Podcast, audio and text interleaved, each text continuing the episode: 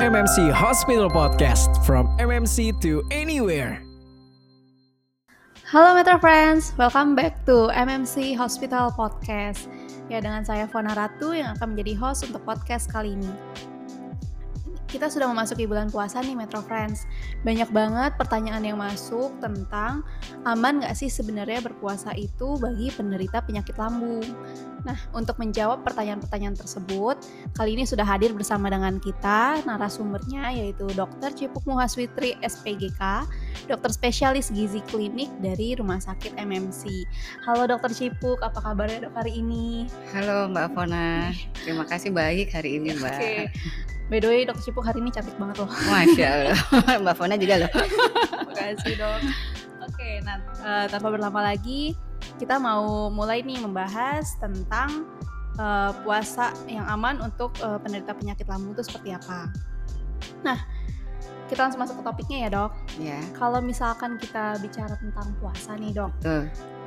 apakah setiap uh, orang yang sehat itu boleh berpuasa atau bahkan diwajibkan untuk berpuasa dok? Ya baik terima kasih uh, Mbak Fona ya untuk pertanyaannya. Jadi memang setiap orang yang sehat itu uh, harus berpuasa kalau di dalam agama sendiri ya di dalam agama Islam itu justru juga uh, suatu kewajiban ya uh, bagi orang Muslim yang sudah balik sehat untuk melakukan ibadah puasa di bulan Ramadan dan banyak sekali manfaat ya secara kesehatan yang bisa kita dapatkan dengan menjalankan ibadah puasa tersebut. Misalnya sistem pencernaan kita jadi lebih baik ya Mbak Kona, terus juga kadar uh, apa pengaturan kadar kolesterol, kemudian gula darah, terus juga tekanan darah itu juga akan uh, menjadi lebih baik. Dan juga uh, yang uh, disukai juga nih berat badan juga bisa menurun loh. Banyak juga uh, penelitian yang mengabarkan atau mendapatkan data seperti itu ya. Kemudian juga uh, daya tahan tubuh bisa meningkat. Kemudian juga uh, kerja hormon di dalam tubuh ya misalnya insulin gitu juga jadi lebih baik. Dan juga uh, apa ya uh, ke arah penuaan juga jadi menurun itu ya gejala-gejala uh, atau tanda-tandanya seperti itu. Berarti banyak banget ya dok manfaatnya sebenarnya dari puasa Betul itu ya. Betul sekali Mbak Fona. Oke, nah uh, ini kan kita ngomongin tentang uh, aman nggak sih untuk penderita penyakit lambung ya? Iya. Oke, jadi kalau misalkan uh, orang yang mengalami mah nih dok ketika Betul. berpuasa, ya. itu apa aja yang harus dipersiapkan? Misalnya waktu pas sahur, apa aja sih yang dianjurin untuk uh, dikonsumsi dok? Ya, jadi memang untuk penderita asam lambung ya tadi ya Mbak Fona ya. Pertama dia harus berkonsultasi dulu ya dengan dokter yang merawatnya uh, untuk misalnya uh, penyesuaian atau uh, minum obatnya, dosisnya seperti itu ya dan boleh tidaknya uh, si uh, penderita ini untuk menjalankan ibadah puasa. Nah, kalau dari aspek uh, nutrisinya apa saja yang harus disiapkan nih di saat sahur? Misalnya uh, dia sudah di, uh, di apa ya diperbolehkan nih untuk menjalankan ibadah puasa ya dari dokter yang merawat. Yang pertama tentu dari sahur itu kita apa uh, apa pasien tersebut atau penderita gangguan asam lambung tersebut nggak uh, boleh skip sahur jadi harus tetap sahur. Selain uh, apa ya yang harus secara agama juga banyak keberkahan gitu ya nah sahur itu juga untuk me, apa istilahnya memberikan energi juga ya selama uh, berpuasa di hari tersebut dan juga untuk menjaga kesehatannya gitu ya oh.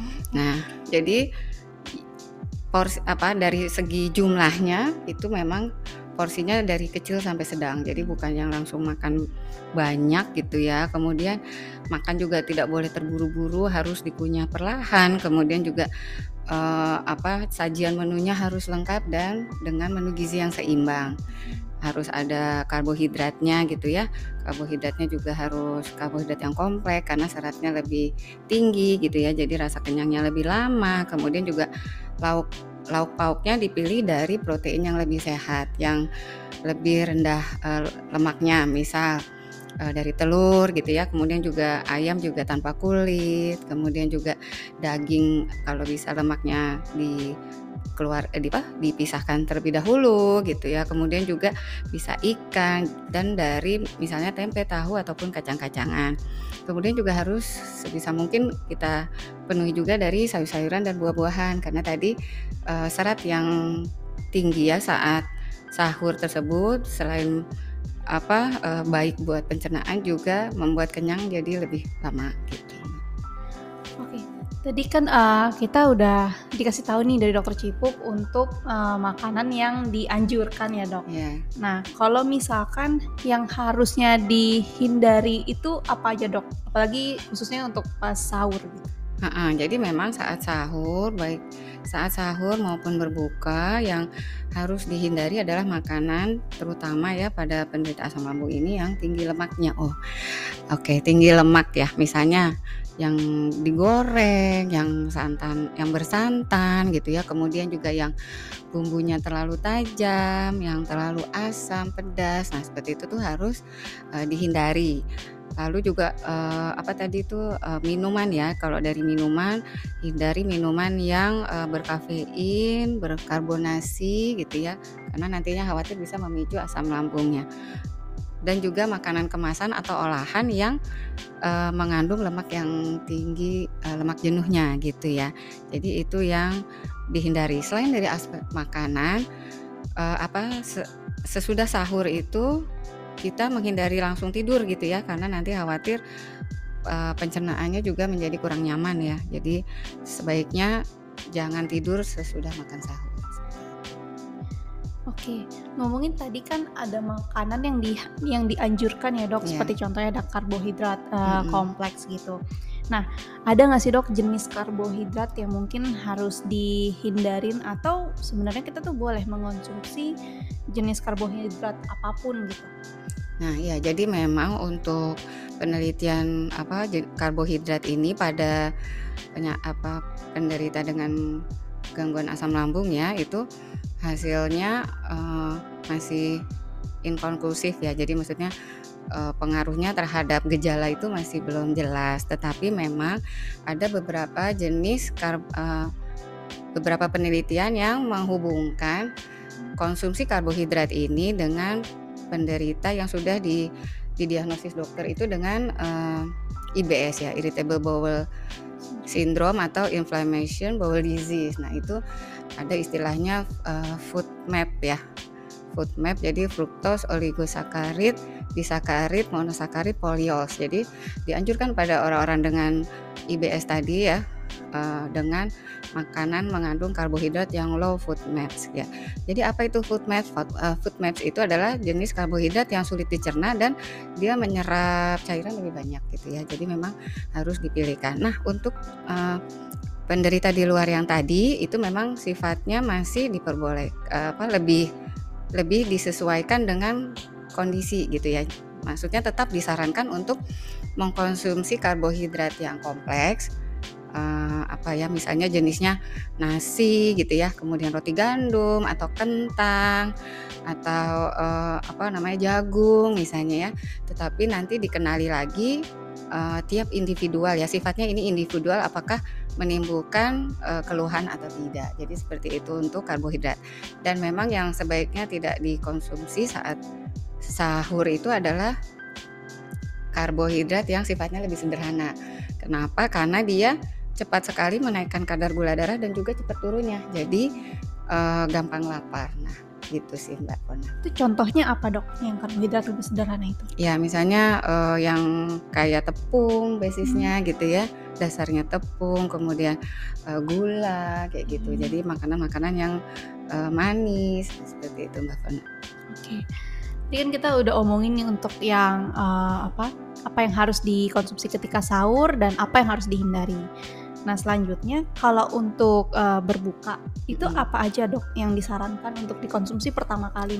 Ya jadi memang kalau saat berbuka ya uh, kan kita habis mas apa istilahnya saluran cerna kita tuh dalam kondisi uh, tenang gitu ya dalam sekitar waktu kalau di Indonesia mungkin kita puasa sekitar 13-14 jam ya. Nah oleh karena itu dianjurkan memang buka puasa uh, segera. Kalau secara agama kan kita juga dari dari agama Islam dianjurkan untuk menyegerakan berbuka, tetapi tentunya dengan uh, perlahan gitu ya. Karena tadi kita habis uh, berpuasa cukup lama ya 13-14 jam tadi. Jadi kita juga bertahap ketika berbuka puasa. Misalnya uh, porsi dari porsi ya itu sama anjurannya jadi porsinya lebih kecil atau sedang gitu ya. Jadi juga untuk mengurangi asupan yang berlebihan gitu. Jadi nggak boleh kayak orang kalap gitu ya. Nggak baik untuk uh, penderita asam lambung tentunya gitu. Kemudian uh, misalnya kita bisa dengan awalnya itu ketika berbuka dengan air gitu ya air putih, kemudian juga ditambah 2 sampai 3 kurma misalnya atau buah potong yang lain gitu ya. Lalu sesudah itu kita sholat gitu ya, sholat ibadah sholat maghrib baru kita makan konsumsi uh, makan utamanya gitu ya. Dan sama seperti sahur tadi ya Mbak Wana, jadi kita mau konsumsi menu yang lengkap gizinya seimbang.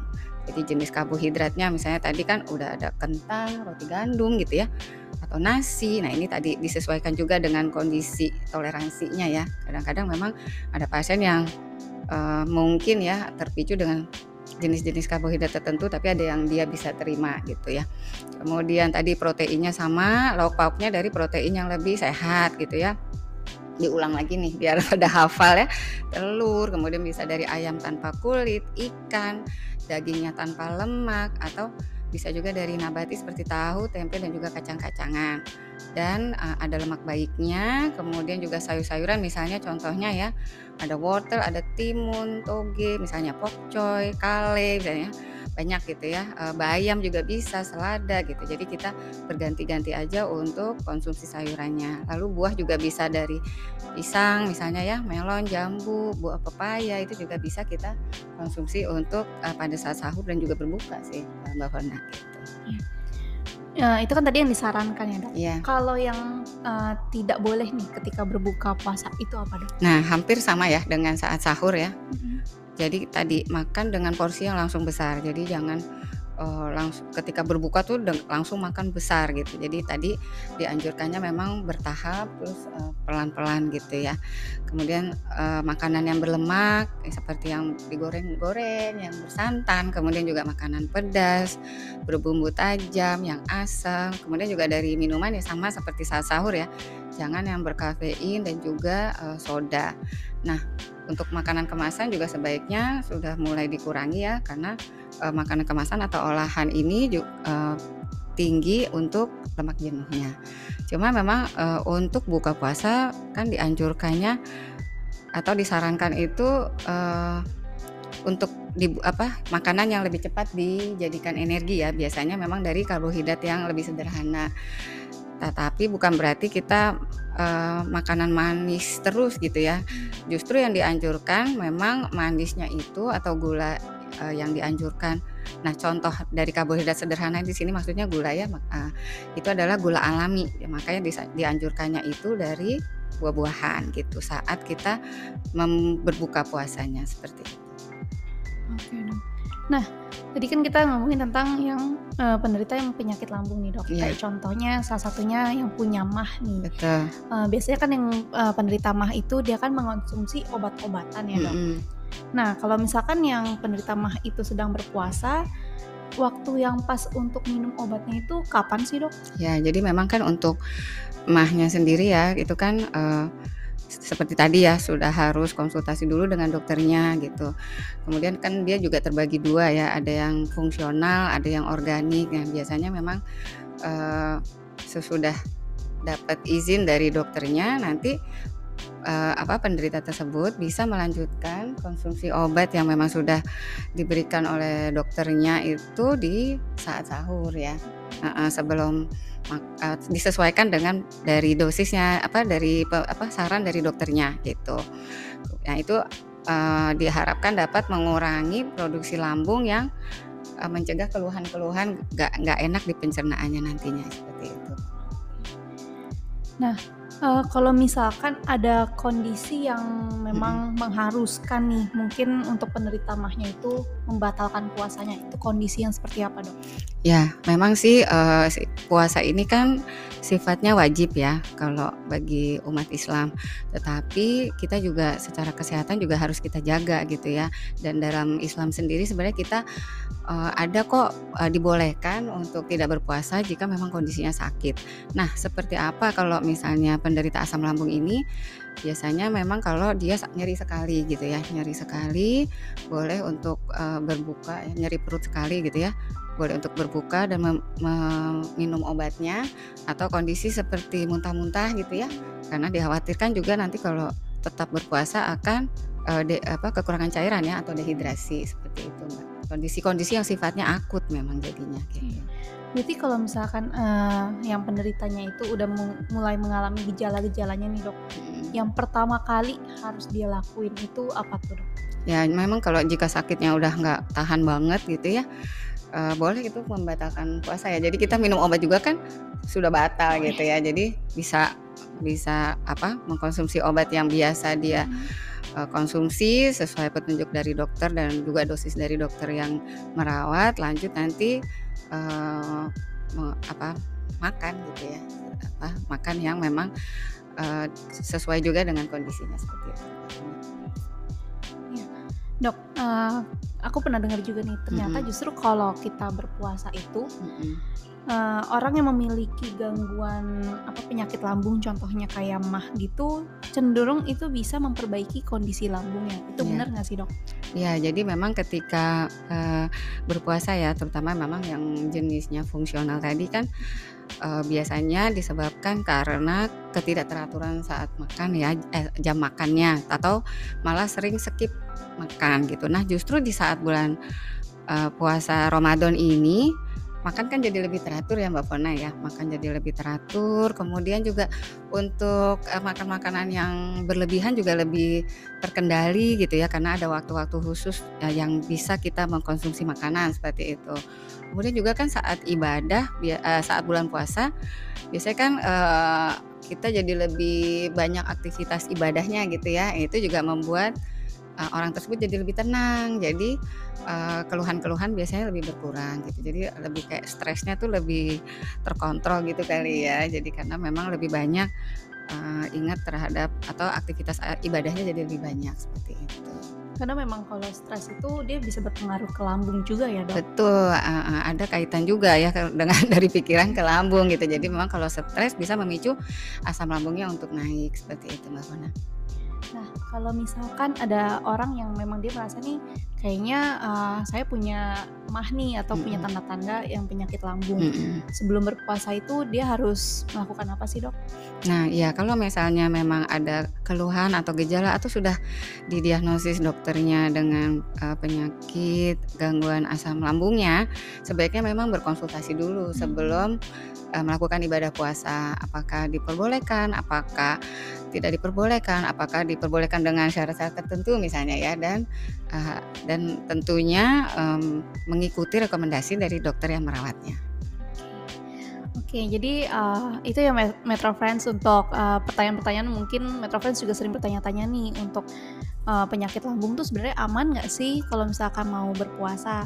Nah mungkin uh, untuk terakhir nih dok, yeah. Iya. uh, ini kan uh, tentang dokter spesialis gizi klinik. Iya, mungkin yeah, kalau di gizi klinik itu pasien-pasien yang datang itu biasanya tuh punya keluhannya tuh apa sih dok dan biasanya dokter gizi klinik itu menanganinya apa aja dok? Ya jadi memang uh, kami sebagai dokter eh, saya ya sebagai dokter gizi klinik pasien yang biasa datang uh, keluhannya ingin menurunkan berat badan, okay. ada juga yang ingin menaikkan berat badan, kemudian juga mengatur makan sesuai dengan uh, kondisi penyakit yang diderita gitu ya itu uh, dari dari mulai anak, uh, remaja, dewasa, lansia gitu ya. Kemudian juga penyakitnya juga beragam nih kalau di MMC ya dari dengan penyakit jantung dan pembuluh darah misalnya, kemudian juga ada juga dengan kanker gitu ya, ada juga dengan kelainan-kelainan saluran cerna ini Mbak Pona seperti yang kita bahas ya. Jadi memang uh, kita uh, saya sebagai dokter gizi klinik juga um, menata laksana atau memberikan uh, penanganan ter, ter secara nutrisi ya terhadap pasien-pasien tersebut.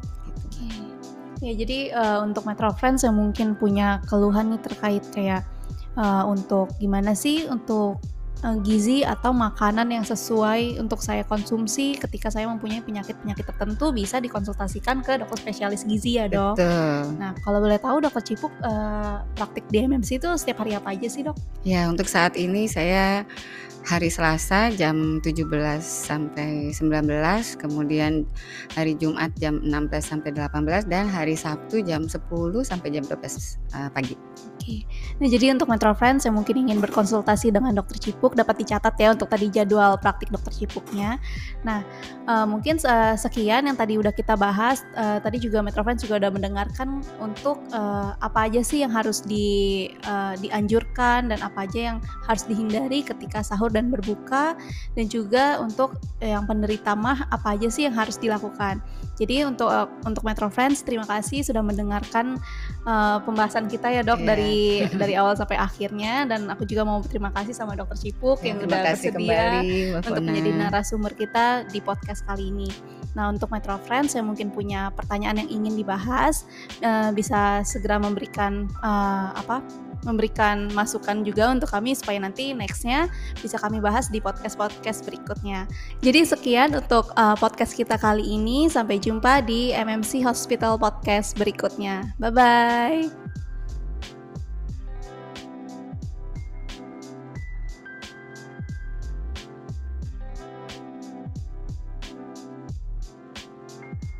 MMC Hospital Podcast from MMC to anywhere.